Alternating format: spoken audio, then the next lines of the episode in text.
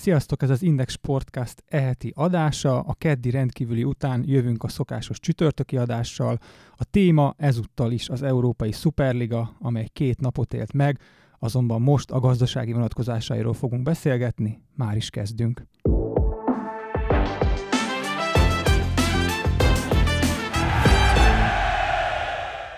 Ilko Miklós vagyok, ez itt az Index Sportcast, ahol a téma a gazdasági szuperliga és gazdasági vonatkozásai, valamint az európai futball hát pénzügyi hátterét fogjuk megvilágítani. A mai vendégem Szabados Gábor, sportközgazdász. Szia Gábor! Szia, üdvözlöm a hallgatókat!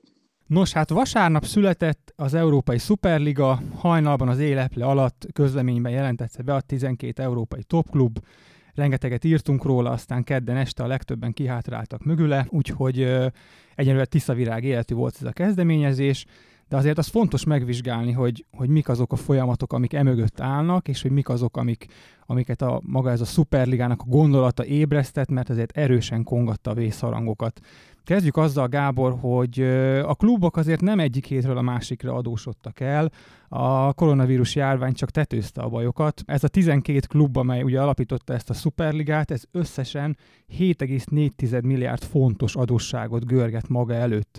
Tehát még egyszer hangsúlyozzuk, 7,4 milliárd font, ez egy óriási összeg, és ez csak 12 klub, akkor még a többiekről nem is beszéltünk. Hogyan jutottunk el idáig? Mit csináltak rosszul a sportegyesületek az elmúlt években, hogy ekkora adósságot halmoztak fel? Először is azt kell tisztázni, hogy az, hogy ilyen adósságállományuk van, ez önmagában nem baj. Tehát azt azért látni kell, hogy ezek olyan gazdasági tevékenységet folytató szervezetek, ugye szándékosan nem azt mondom, hogy gazdasági társaságok, mert ugye két klub, a Real Madrid és a Barcelona nem gazdasági társaság, de olyan nagyon komoly gazdasági tevékenységet folytató szervezetek, akik több száz millió eurós forgalmat bonyolítanak le évente, fejenként értem ezt, tehát nem együttvéve, tehát jelen pillanatban már az 1 milliárd eurót közelíti a legnagyobb bevételű kluboknak az éves bevétele, konkrétan itt ugye Barcelonára, Real Madridra gondolok, de a többieké is a fél, legalább a fél milliárd euró környékén van. Na most egy ilyen mértékű gazdasági tevékenységnél az, hogy vannak tartozások, az teljesen normális. Tehát egyrészt vannak olyan projektek, amelyeket hitelből finanszíroznak, vannak olyan fizetési kötelezettségek, amelyekre részletfizetésben állapodnak meg, tipikusan ilyenek ugye mondjuk a nagyon drága átigazolások, amikor ugye akár 100 millió euró feletti értékben vásárolnak játékosokat. Ezekből ugye mind-mind tartozások keletkeznek, ami nyilván nagyon rosszul hangzik, ahogy te így elmondtad ezt az összeget, de ez nem azt jelenti, hogy ezt mind most azonnal ki kellene fizetniük.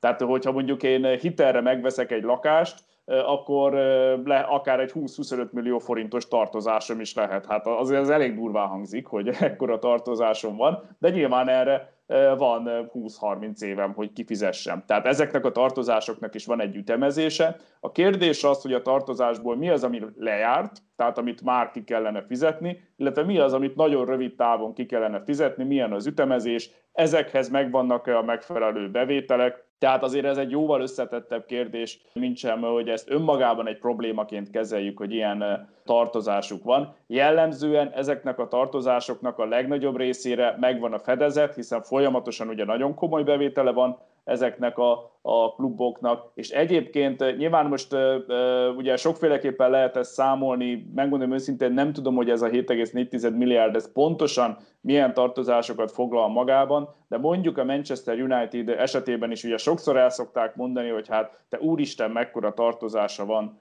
a klubnak. Az például nem a klub tartozása, mert a klub minden évben óriási mennyiségű profitot termel, tehát ezzel nincsen gond, hanem a Glazer család hitelből vette meg a klubot, amit aztán ráterhelt magára az Egyesületre. Ez megint csak olyan, mint hogyha én hitelből veszek egy házat, és akkor egy jelzálog fedezet van azon a házon. Tehát ilyen értelemben ez nem feltétlenül ugye azt jelenti, hogy a klub rosszul működött, sőt a klub nagyon is jól működik, tehát itt egyéb tranzakciók azok, amelyek tartozásokat okozhatnak. Tehát ezzel csak azt akarom mondani, hogy, hogy ezt ne úgy kezeljük ezt a 7,4 milliárdos összeget, hogy te úristen, most mindjárt csődbe megy a, az európai topfutball, és ezért volt szükség a Superligára. Nagyjából ugye Florentino Perez valami ilyesmi képet akart felfesteni, hogy hát itt óriási baj van, és, és meg kell mentenünk a futballt, és hát tényleg itt néhány könycseppet elmorzsoltam a szemem sarkában, hogy megsajnáljam a Real Madridot, hogy milyen súlyos anyagi helyzetben vannak. Azért nem ennyire rossz a helyzet.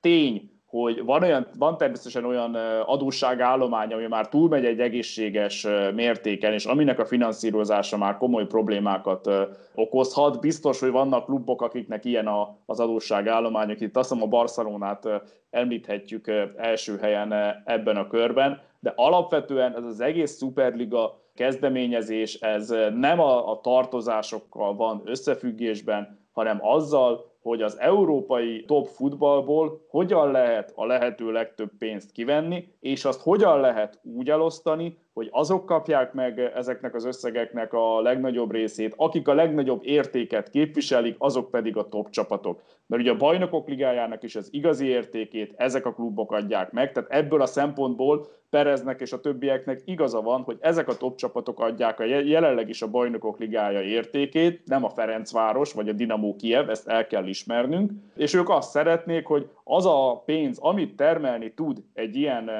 nemzetközi sorozat, az egyrészt, egyrészt legyen több, legyen több annál, mint amennyit a bajnokok ligája termelni tud, másrészt annak az elosztási módja is olyan legyen, hogy akik a valódi értéket megteremtik, azok a jelenleginél is lényegesen nagyobb arányban részesedjenek benne. Alapvetően ez az egész történetnek a kulcskérdése. Ugye nagyon régóta folytak ilyen egyeztetések a háttérben, de eddig erről mindig csak ilyen sajtóhírek voltak. Most viszont ez napvilágra bukott, mint, mint egy ilyen nagyon komoly harc az UEFA és a klubok között. Valószínűleg éppen azért, mert a klubok ugye tárgyaltak az UEFA-val, próbálták az érdeküket érvényesíteni. Látszik ugye az, hogy a Superligának a lebonyolítása az gyakorlatilag pontosan ugyanolyan lett volna, mint amilyen új lebonyolítást a Bajnokok Ligájának az UEFA bejelentett. Ebből is látszik, hogy volt, amit sikerült átverniük az UEFA-n, vagy legalábbis volt olyan javaslatuk, amit az UEFA elfogadott és beépítette a Bajnokok Ligájába, de nyilván volt olyan, amit nem. Ez valószínűleg ugye a az összegekre és azoknak az elosztására vonatkozott, és,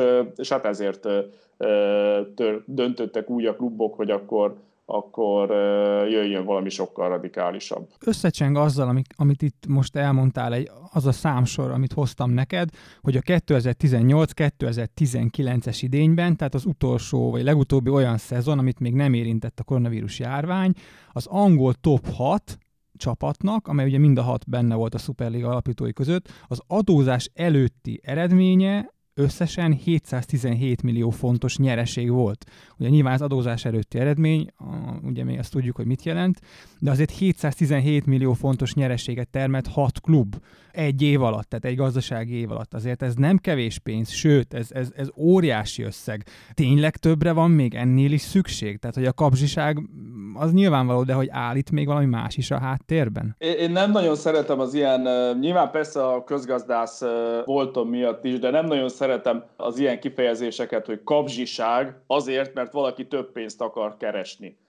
tehát, tehát az egy teljesen normális dolog, hogy egy gazdasági társaság az minél több pénzt akar keresni, és egy tulajdonos minél több pénzt akar a, a gazdasági vállalkozásából kihozni. Tehát önmagában az, hogy valaki a jelenleginél sok pénzt keres, és még ennél is többet akar keresni, ebben én nem látok problémát, én ezt nem nevezném kapzsinak, tehát akkor mondjuk nevezzük Cristiano Ronaldo-t vagy Lionel Messi-t kapzsinak azért, mert még több aranylabdát, meg még több bajnokok ligáját akarnak nyerni, miért nem hagyják, hogy más nyerje meg azokat. Tehát ebben szerintem nincsen probléma, Nyilván akármennyi pénzt keresnek ezek a klubok, még többet akarnak keresni. Ők ha azt látják, hogy a, az Európa, és ugye, ahogy mondtam, ez az alapvető probléma, hogy ők úgy látják, hogy az európai futballból összességében is több pénzt lehetne kivenni, több pénzt lehetne keresni, és hát a másik kérdés, amivel viszont e, e, ebben egyébként ebben megint csak igazuk van, és az, hogy viszont az elosztás módja milyen legyen, na itt már ugye viszont különféle elvek és értékek bejönnek a képbe, hogy, hogy tényleg ezeknek a kluboknak kell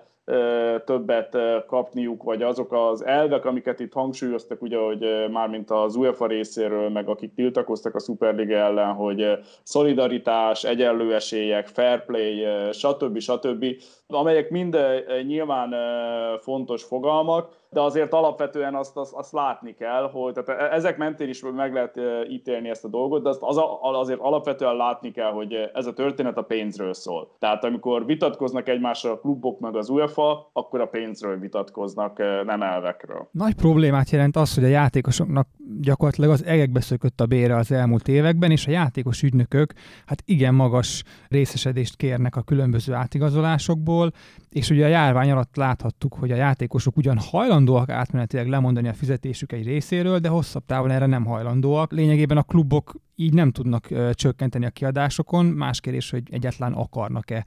Honnan lehet több pénzt bevonni a labdarúgásba? Mert azért végtelen pénz az nem áll rendelkezésre a világon, vagy ezt egy folyamatként kell tekinteni, és, és úgy, úgy nézni rá, hogy évről évre többet és többet. Kicsit így az ördög ügyvédjeként megint hadd vitatkozzak és kössek bele a szavaidba. Ugye úgy kezdted, hogy nagy probléma az, hogy mennyit keresnek a játékosok. Ez miért probléma?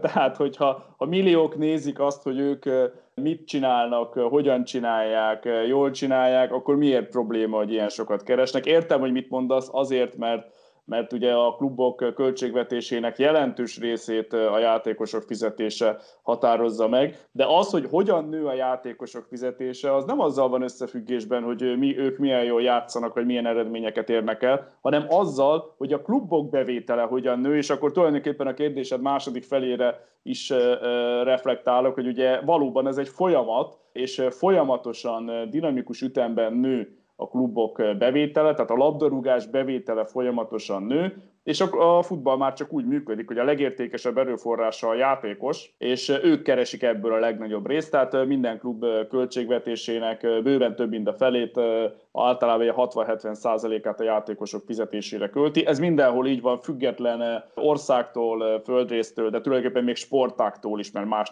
sportágokban is ez a helyzet. És még egyszer, ha azt nézzük, hogy a játékosok állítják elő magát a terméket, akkor akkor tulajdonképpen ezzel azt gondolom, hogy nincs is különösebb probléma. A játékos ügynökök szerepe az egy, az egy másik kérdés.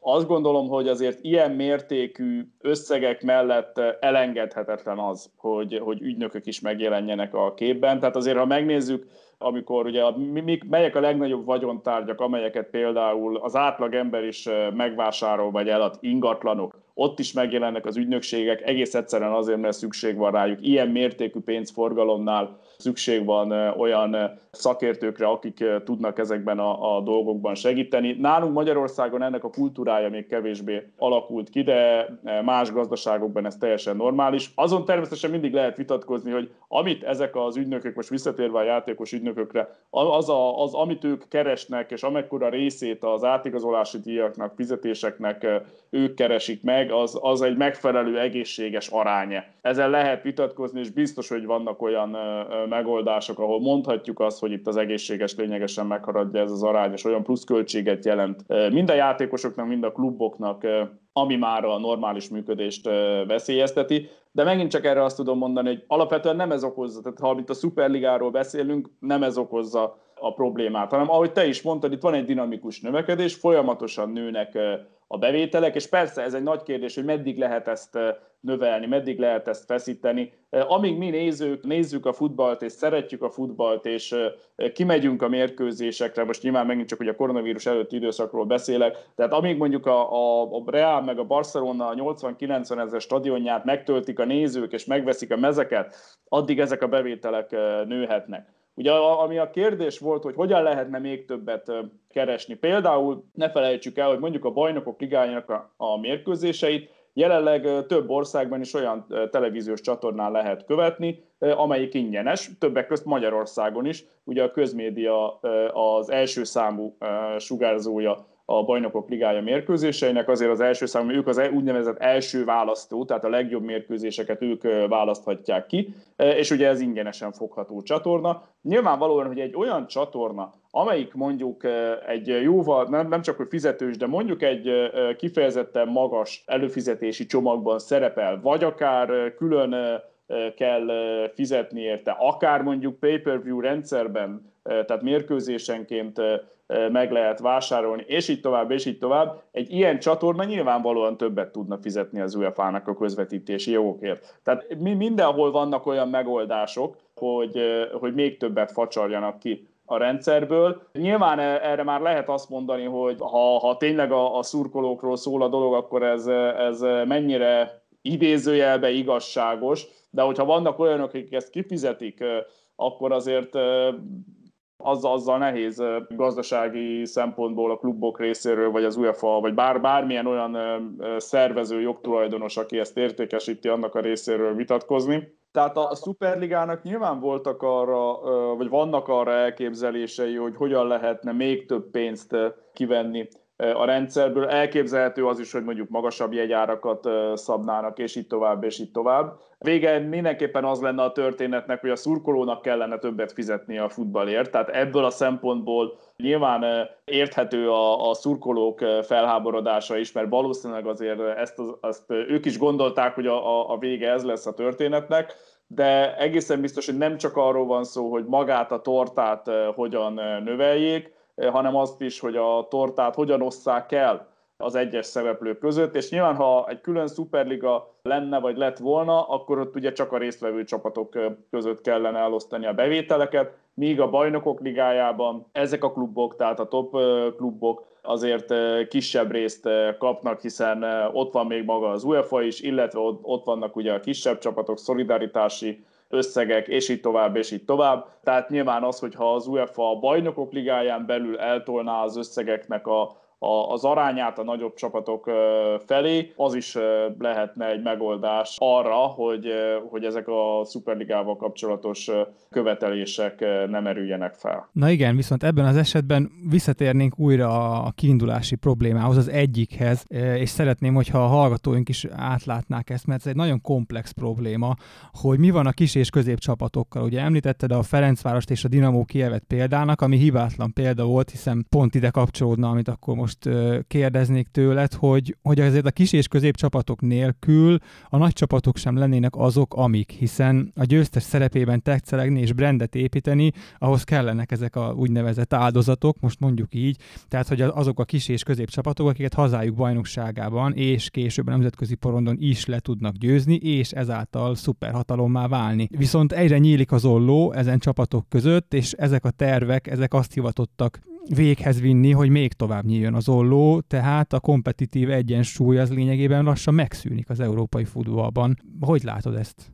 Kompetitív egyensúly az már régen megszűnt az európai futballban, tehát az teljesen egyértelmű, hogy az, az már évek óta nincsen meg, és óriási fölénye van ezeknek a csapatoknak. Abban viszont teljesen igazad van, hogy ahhoz, hogy ezek a csapatok a saját brandjüket úgy adják el, az legyen a Julink selling pointjuk, hogy, hogy ők a, a nagyok, ahhoz szükség van kicsikre, akiket jól megverhetnek. Tehát ezt nyilván ők is azért látják valamennyire, és a Superligába ezért építették be azt, hogy ugye a 15 alapító mellett öt másik csapat is részt vehet ugye ilyen feljutásos alapon, de azt nem tisztázták, hogy melyik bajnokságokból, milyen csapatok, hogyan, tehát ez, ez kicsit így homályba marad, de való igaz, hogy az, hogyha ők csak saját magukkal játszanak, akkor igazából mindenki a saját szintjén játszik, és elveszik az a, az érték, hogy a, ők egy nagyságot képviselnek. És én azt gondolom, hogy Azért is fájt nekik annyira az, hogy az UEFA a nemzeti bajnokságokból is kitiltatta volna őket ugye nemzeti szövetségeken keresztül, mert ezeknek a csapatoknak a identitását, az én képét ugye az határozza meg, hogy az a, az a saját bajnokságukban ők a nagyok. Tehát a Real Madrid meg a Barcelona a saját marketing értékében nagyon fontos tényezőként tartja azt, hogy ők Spanyolország kiemelt csapatai, akik minden hétvégén, aki éppen szembe jön, legyen az a Villarreal, Deportivo, Hetafe, akárki, azokat szépen lepofozzák. Tehát ebből a szempontból a Superliga valóban, hogyha ugye a nemzeti bajnokságok helyett, meg minden más helyett kellett volna a Superligát játszani, amiatt, hogy az UEFA beváltja a fenyegetését, akkor valóban egy olyan helyzetbe hozta volna a klubokat, hogy a fő marketing értéküknek az egyik szegmense veszik el. Nem véletlen, hogy ők, ők ugye akarták volna folytatni a nemzeti bajnokságban, de, de hát erre meg ugye az UEFA azt mondta, hogy akkor onnan is ki lesznek rúgva. Tehát ez, amit mondasz, ez, ez valóban egy komoly probléma, és mondom, biztos, hogy ők ezért akartak maradni a nemzeti bajnokságban, ezért akarták azt, hogy a Superligában is azért néhány kisebb csapat is időről időre bejöhessen, de az, hogy ugye milyen arányban történik ez meg. Tehát, hogy szükség van-e arra, hogy mondjuk a Barcelona meg a Juventus két ilyen csapattal is játszon egy négyfős csoportban, konkrétan ugye a Ferencvárossal meg a Dinamo Kievvel, ahogy ezt ugye ősszel láttuk a Bajnokok Ligája csoportkörében, vagy inkább akkor úgy kéne csinálni, hogy legyen három nagy csapat, és akkor mellettük legyen egy kicsi, akit mindenki jól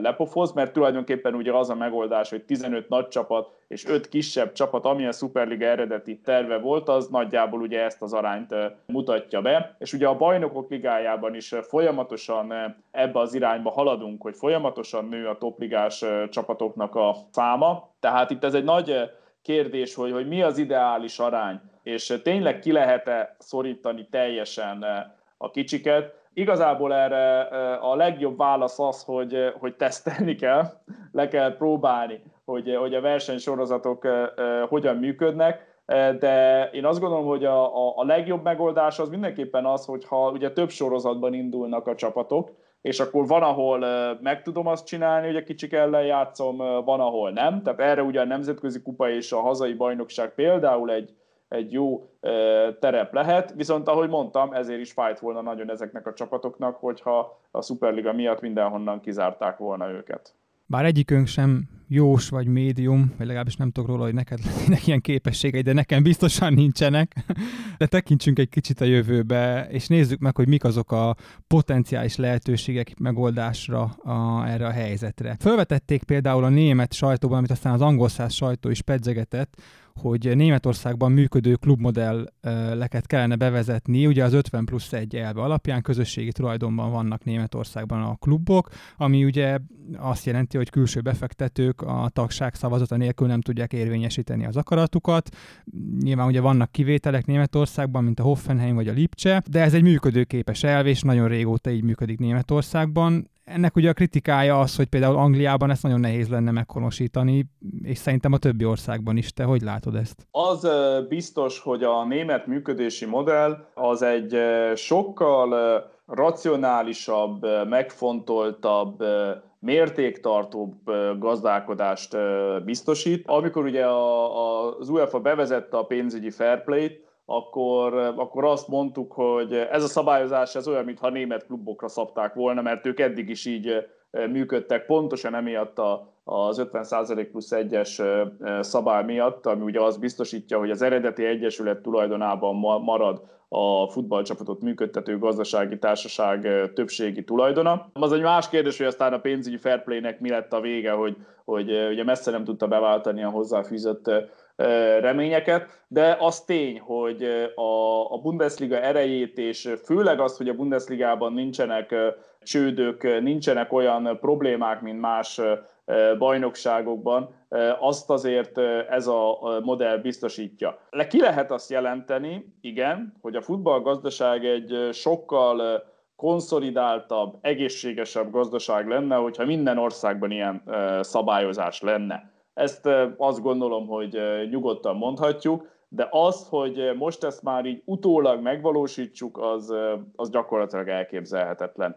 Tehát nem tudom azt elképzelni, hogy az, hogy önként belemenjenek ebbe a tulajdonosok, az, az teljesen kizár, tehát hogy akár Angliában, akár máshol azt mondják, hogy oké, okay, akkor, akkor a, a tulajdonunk nagyobbik részét odaadjuk a, az Egyesületnek. Már hozzáteszem, nehéz is lenne megvalósítani, mert ugye Angliában a, a például a legtöbb futballklub eleve gazdasági társaságként jött létre, tehát már a 19. század végén limited company-ként hozták ezeket létre. Tehát nem az van, mint Németországban, hogy egy egyesület létrehozott egy gazdasági társaságot, vagy ami Magyarországon is egyébként van, mert ugye a legtöbb futballklub mögött vagy mellett van egy eredeti egyesület, tehát Angliában ugye nem ez volt a fejlődési irány, hanem ezek a futballklubok önállóan jöttek létre gyakorlatilag tényleg már a kezdetek kezdetétől fogva gazdasági társaságként. Az meg, hogy valamilyen szabályozással rákényszerítsék ezeket a, a klubokat az ilyen jellegű működésre, azt, azt megint nagyon nehezen tudom elképzelni.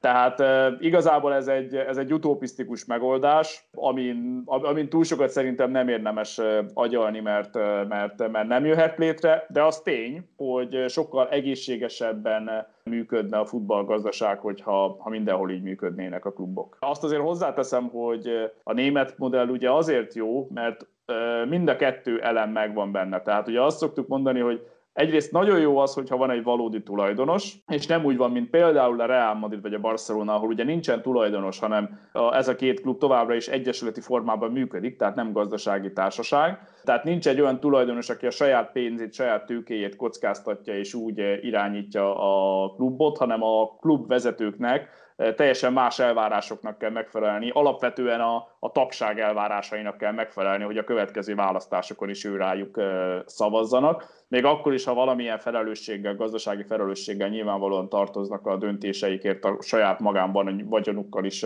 adott esetben.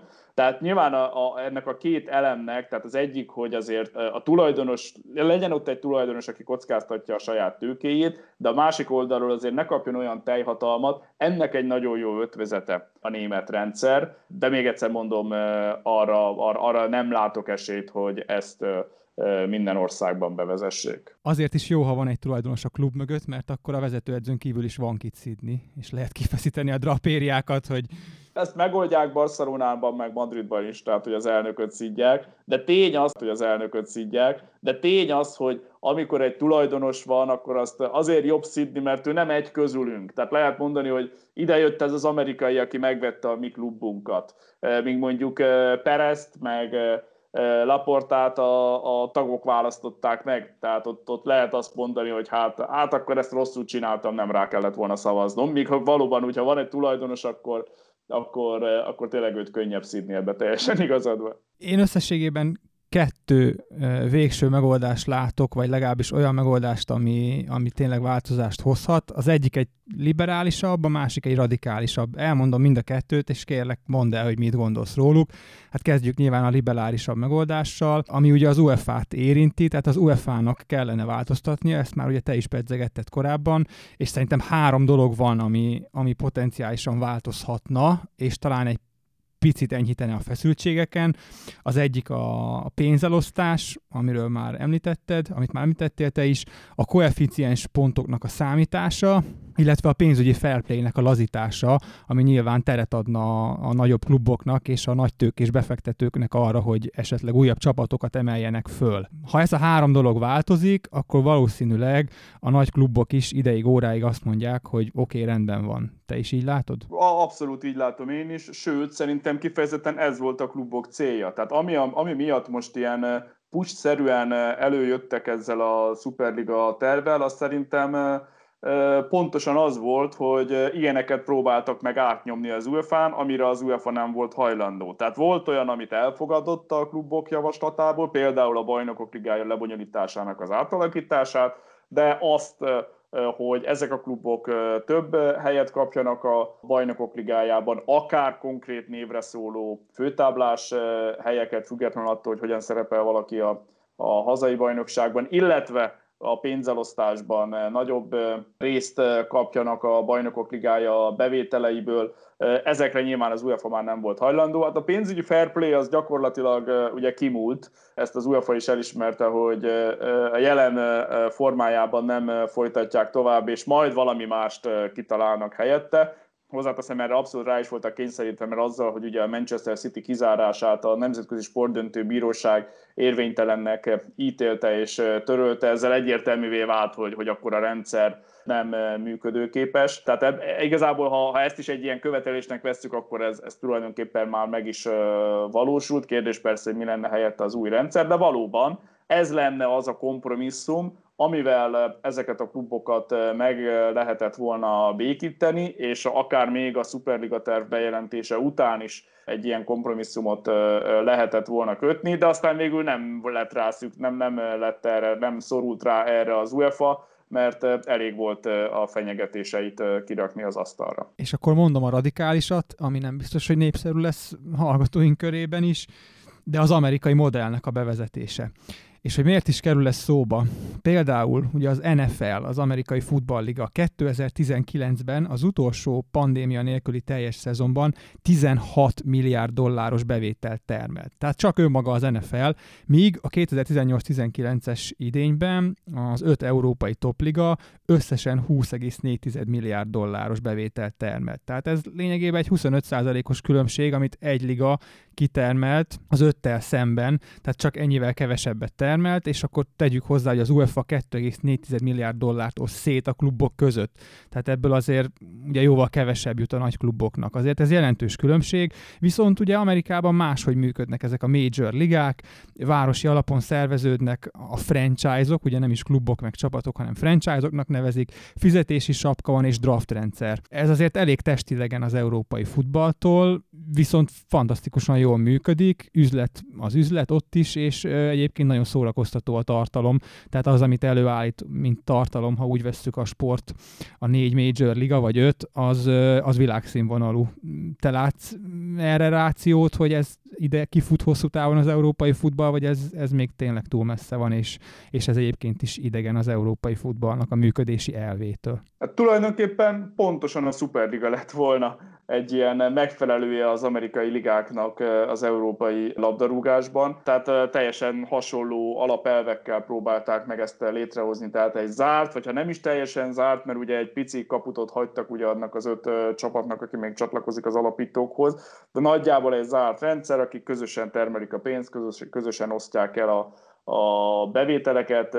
Azt nem hiszem, hogy mondjuk egy fizetési plafont itt bevezettek volna, de az alapelve, tehát ez az árt rendszerű bajnokság indítása, a klubok bevétel eloszlása az, az valószínűleg azért hasonló lett volna. Valóban nehéz lenne teljesen az amerikai elveket átültetni a, az európai gyakorlatra, és az egészen biztos, hogy ezt egy olyan rendszerben, amilyen jelenleg az európai futball, tehát hogy vannak ugye egymásra épülő nemzeti bajnokságok, már úgy értem, hogy nemzeti bajnokságok, amelyekben egymásra épülő divíziók vannak, első osztály, másodosztály, és így lefele a megyei, meg egyéb bajnokságokig, és akkor azokra ráépül egy ilyen kvalifikációs rendszerű nemzetközi bajnokság, meg még mellette ugye válogatott tornák is vannak, erre ráhúzni az amerikai rendszert gyakorlatilag lehetetlen. Tehát látszik, hogy ugye az amerikai rendszer jóval egyszerűbb, ott egy NFL játékos játszik abban az NFL franchise-ban, az NFL-ben, mint ligában, és kész, sehol máshol. Tehát itt azért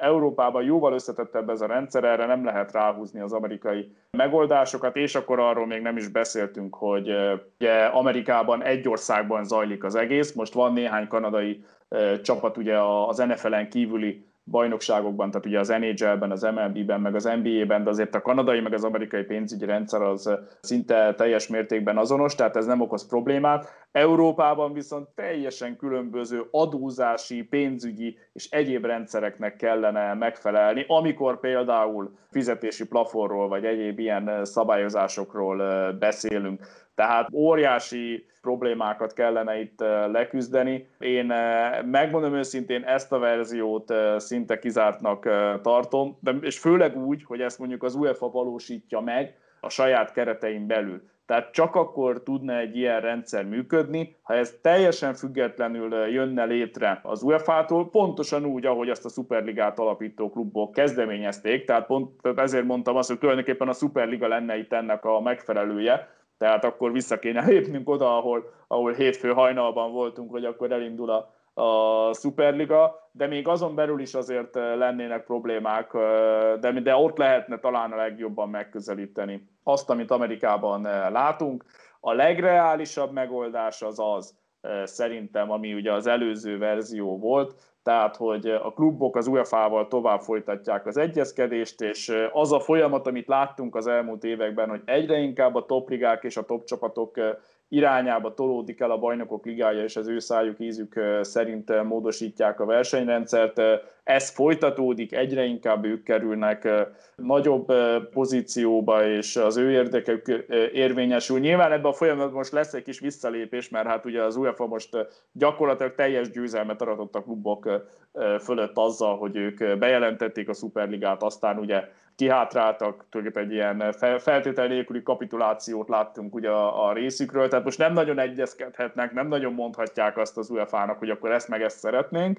Itt el kell telni egy kis időnek, de aztán egy idő után valószínűleg újra megkezdődnek ezek az egyeztetések, de ez egy jóval lassabb folyamat lesz, tehát ilyen nagyon radikális változásokra szerintem ne számítson senki. Így vagy úgy, de egy dolog biztos, a futball változni fog, mert változnia kell, és ezt legfőképp gazdasági érdekek vezérlik. Ez volt már az Index Sportcast Szabados Gábor sportközgazdásznak. Köszönöm, hogy elfogadta a meghívásomat. Hallgassatok minket az iTunes-on és a Spotify-on is. Köszönöm már a figyelmet, jövő héten találkozunk. Sziasztok!